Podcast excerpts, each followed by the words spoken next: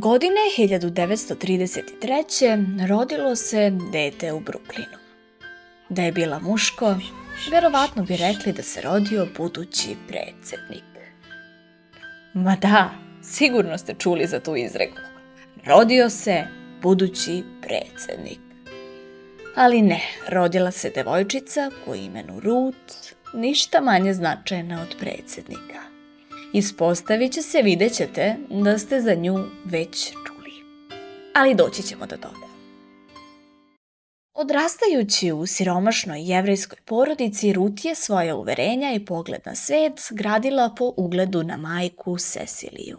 Ona, Cecilija, bila je veoma nesebična.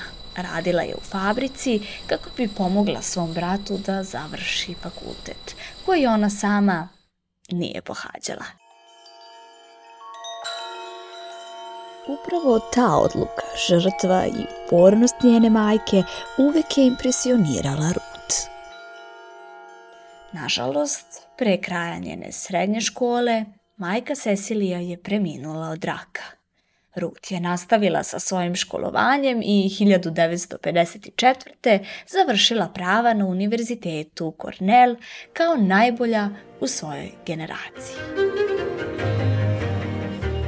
Iste godine Ruth i udala, a malo posle je dobila svoje prvo dete, Jane. Ali nećemo o braku kao najvećem uspehu jedne žene. Kako je i sama govorila, za većinu devojaka koje su odrastale 40. godina, najvažnija titula nije bila završeni fakultet, već gospođa ta i ta. Ipak slučaj nije takav i kod Ruth, te se ovde priča ne završava.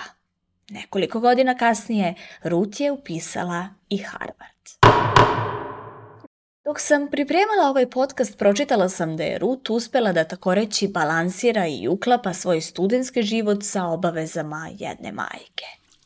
Da li ste nekada čuli da su nekog muškarca pitali kako uspeva da uklopi porodični život sa poslom, kako uspeva da žonglira između obaveza koje ima kao tata sa obavezama na poslu ili fakultetu. Bila je jedna od osam žena koje su pohađale Harvard. Od 500 studenata samo osam žena. Zamislite.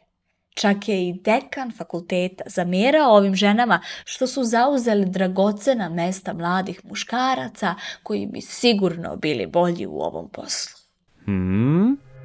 Zatim, još jedan izazov. Njen muž, Martin, dobio je rak testisa 1956. godine, što je zahtevalo intenzivan tretman i rehabilitaciju – Ruth je brinula o svojoj mladoj čerki i mužu, vodeći za njega beleške na časovima, dok je ona nastavila svoje studije prava.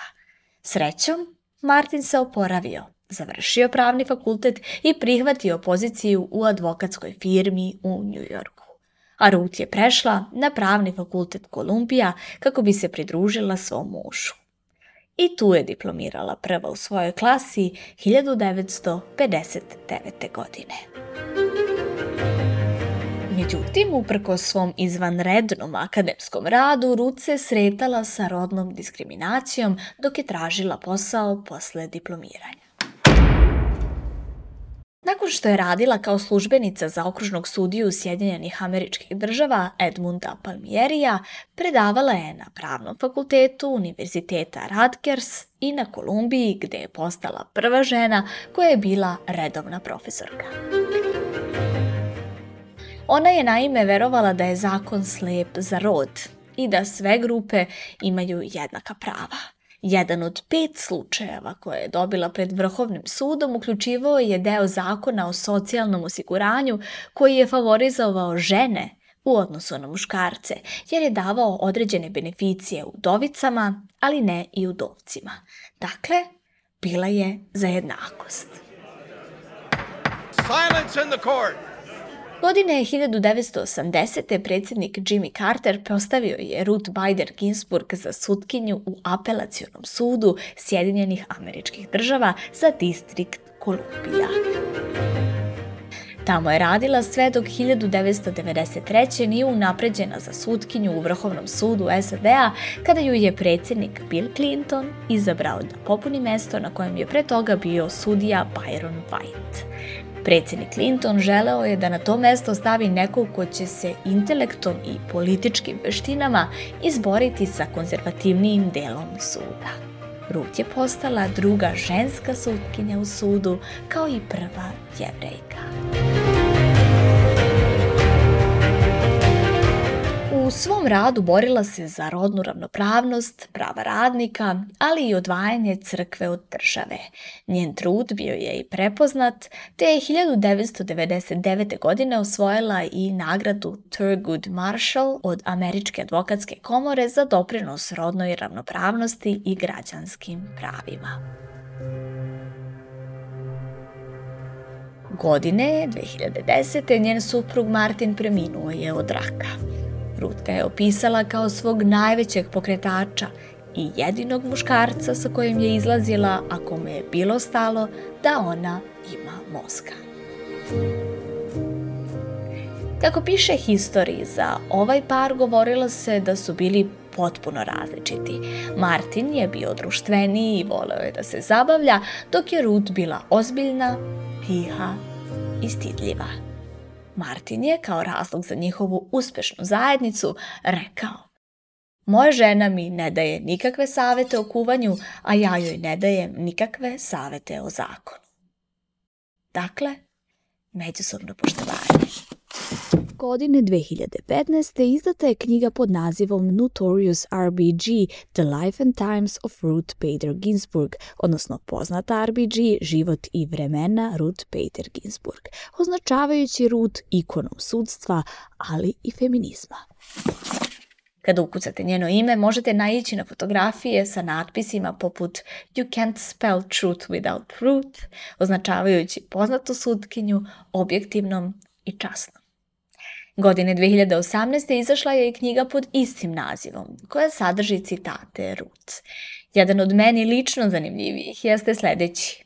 Ljudi me nekad pitaju kada će biti dovoljno žena u sudu, a ja kažem kad ih ima devet. Ljudi su šokirani, ali bilo je devet muškaraca i niko nikada nije postavio pitanje o tome. This session is adjourned. Ovim citatom privodimo priču kraju. Nakon što je 27 godina služila kao sutkinja u Vrhovnom sudu, Ruth Bader Ginsburg preminula je 2020. godine od komplikacija metastatskog karcinoma pankreasa.